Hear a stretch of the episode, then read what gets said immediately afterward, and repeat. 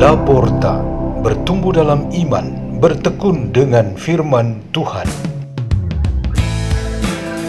Radio Laporta, pintu terbuka bagimu untuk pertumbuhan pengetahuan dan kebijaksanaan tentang Allah.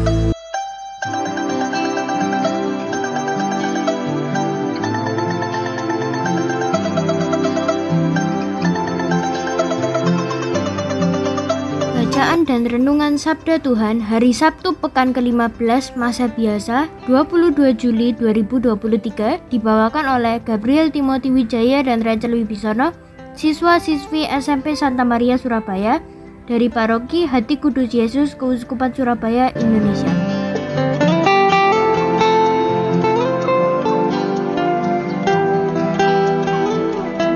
Inilah Injil suci menurut Yohanes bab 20 ayat 1 dilanjutkan ayat 11 sampai dengan 18. Pada hari Minggu Paskah pagi-pagi benar ketika hari masih gelap. Pergilah Maria Magdalena ke kubur Yesus dan ia melihat bahwa batu telah diambil dari kubur. Maria berdiri dekat kubur itu dan menangis. Sambil menangis ia menjenguk ke dalam kubur itu dan tampaklah olehnya dua orang malaikat berpakaian putih. Yang seorang duduk di sebelah kepala dan yang lain di sebelah kaki, di tempat mayat Yesus terbaring. Kata malaikat-malaikat itu kepadanya, Ibu, mengapa engkau menangis?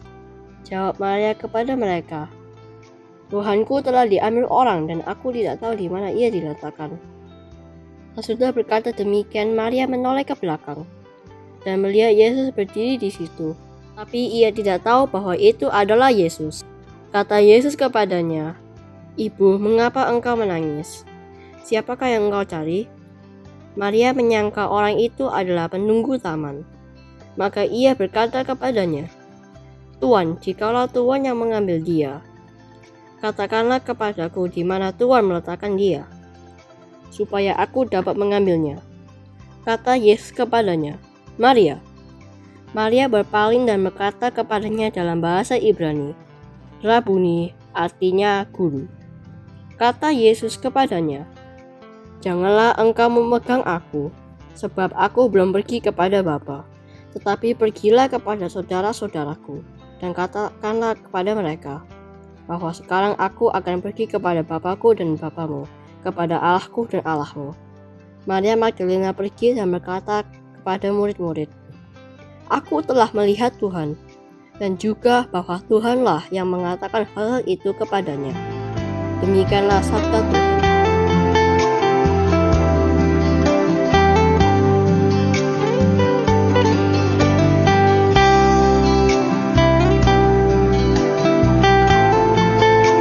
Kita pada hari ini bertema mengambil bagian dalam cinta kasih Kristus.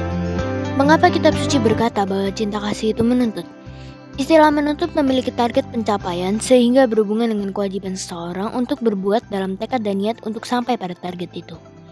Ini berbeda dari memaksa, karena orang yang terpaksa bisa saja tidak mengerti sebuah target dan terutama niat dan tekadnya dalam berbuat tidak tampak. Yang ada hanyalah keterpaksaan. Hari ini kita peringati Santa Maria Magdalena. Ia adalah wanita Yahudi pada zaman Yesus yang punya kedekatan dengan Yesus. Ia adalah orang dan wanita pertama yang menyaksikan Yesus bangkit. Hubungan yang amat dekat ini dapat menjadi pembelajaran cinta bagi kita. Patokan kita adalah cinta kasih Yesus, yaitu persembahan diri bagi kebaikan dan keselamatan sahabatnya. Pada saat dan waktu yang tepat, perbuatan cinta itu menuntut. Sebagian besar, mungkin 90% keinginan dan keyakinan mencintai itu mendorong seorang untuk mencintai. Sementara sisanya 10% mungkin berisi keraguan, malu, bingung, kurang paham tentang perbuatan cinta. Maria Magdalena membalas semua cinta kasih Yesus dalam kondisi yang tidak sempurna. Puncaknya ialah ketika ia ketakutan dalam mencari jenazah Yesus di makam dan agak sulit mengenali Yesus yang bangkit sebelum Yesus sendiri memanggil namanya. Dalam situasi seperti inilah, cinta itu cenderung menuntut, lalu memengaruhi supaya Maria segera mengaku bahwa itu adalah Tuhan yang bangkit. Maria Magdalena tentu sudah belajar banyak tentang cinta kasih Kristus dalam aneka perbuatannya setelah mengikuti Kristus. Ia ungkapkan bagian cinta kasih itu yang telah diambil dari gurunya. Umumnya, Ia memiliki kesetiaan dalam mengikuti Kristus hingga mendampinginya saat gurunya itu wafat di salib. Bersedih mencarinya di makam dan akhirnya menemukan dia. Namun, yang paling menonjol, aspek cinta kasih yang diambil dari Yesus Kristus ialah memiliki sukacita, keberanian, semangat, kebenaran, dan ketulusan untuk mewartakan kepada rekan-rekannya bahwa aku telah melihat Tuhan. Dengan bertindak seperti ini, Maria Magdalena ingin menginspirasi para rasul dan kita semua yang mendengarkan firman ini. Seolah-olah menentang kita. Ayolah, aku sudah ambil bagianku dari cinta kasih guru kita, Yesus Kristus. Maka kini, giliran kalian untuk ambil bagian dari cinta kasih Yesus itu. Jangan biarkan tebaran cinta kasih Yesus Kristus itu sia-sia saja tanpa disukai dan diambil. Pertanyaan sebagai tantangan dan refleksi bagi kita ialah, Anda cocok untuk aspek cinta kasih apa yang dapat Anda ambil dari Yesus Kristus? Marilah kita berdoa. Dalam nama Bapa dan Putra dan Roh Kudus. Amin. Terima kasih ya Tuhan Yesus Kristus atas dirimu dan ajaranmu tentang cinta kasih. Kuatkanlah dan penuhi kami dengan rohmu sehingga kami dapat menghayati cinta kasih yang telah kami pilih untuk mengambil bagian dalam perwujudan karya cinta kasih di dunia. Salam Maria penuh rahmat Tuhan sertamu, terpujilah engkau di antara wanita, dan terpujilah buah tubuhmu Yesus. Santa Maria Bunda Allah, doakanlah kami yang berdosa ini, sekarang dan waktu kami mati. Amin. Dalam nama Bapa dan Putra dan Roh Kudus. Amin. Radio Laporta, pintu terbuka bagi